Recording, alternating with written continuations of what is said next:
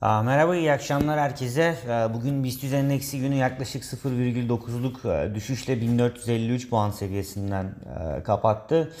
E, Global piyasalarda Asya'da karışık bir seyir var. ABD endeksleri ise hafif yukarıda.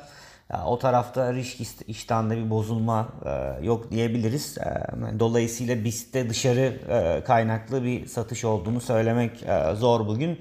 E, TL'de dolar karşısında hafif e, güçlü 0,3 e, değer kazancıyla 8.38-8.39 e, bandında işlem görüyor an itibariyle.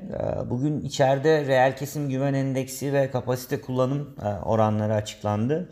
E, Reel kesim güven endeksi Ağustos ayında sınırlı artışla e, 112,2'ye e, yükseldi. Burada ihracat beklentilerinin olumlu katkısı var. E, Kapasite kullanım oranında da e, artış devam etti. E, Temmuz'da %76,8 ile Aralık ayından bu yana geldiği en yüksek seviyeye ulaştı. Şirketler tarafında bugün Enka ve Koç Holding'de güçlü yükselişleri sonrası bir miktar düzeltme var. Yükselenler tarafında ise gözümüze Milas projesine ÇED onayı çıkan Net Holding, ürün karlılığı iyi giden Petkim ve son dönem biraz geride kalan e, Kervan Gıda e, çıkıyor. E, Benim bu akşam için aktaracaklarım bunlar. Herkese iyi akşamlar diliyorum.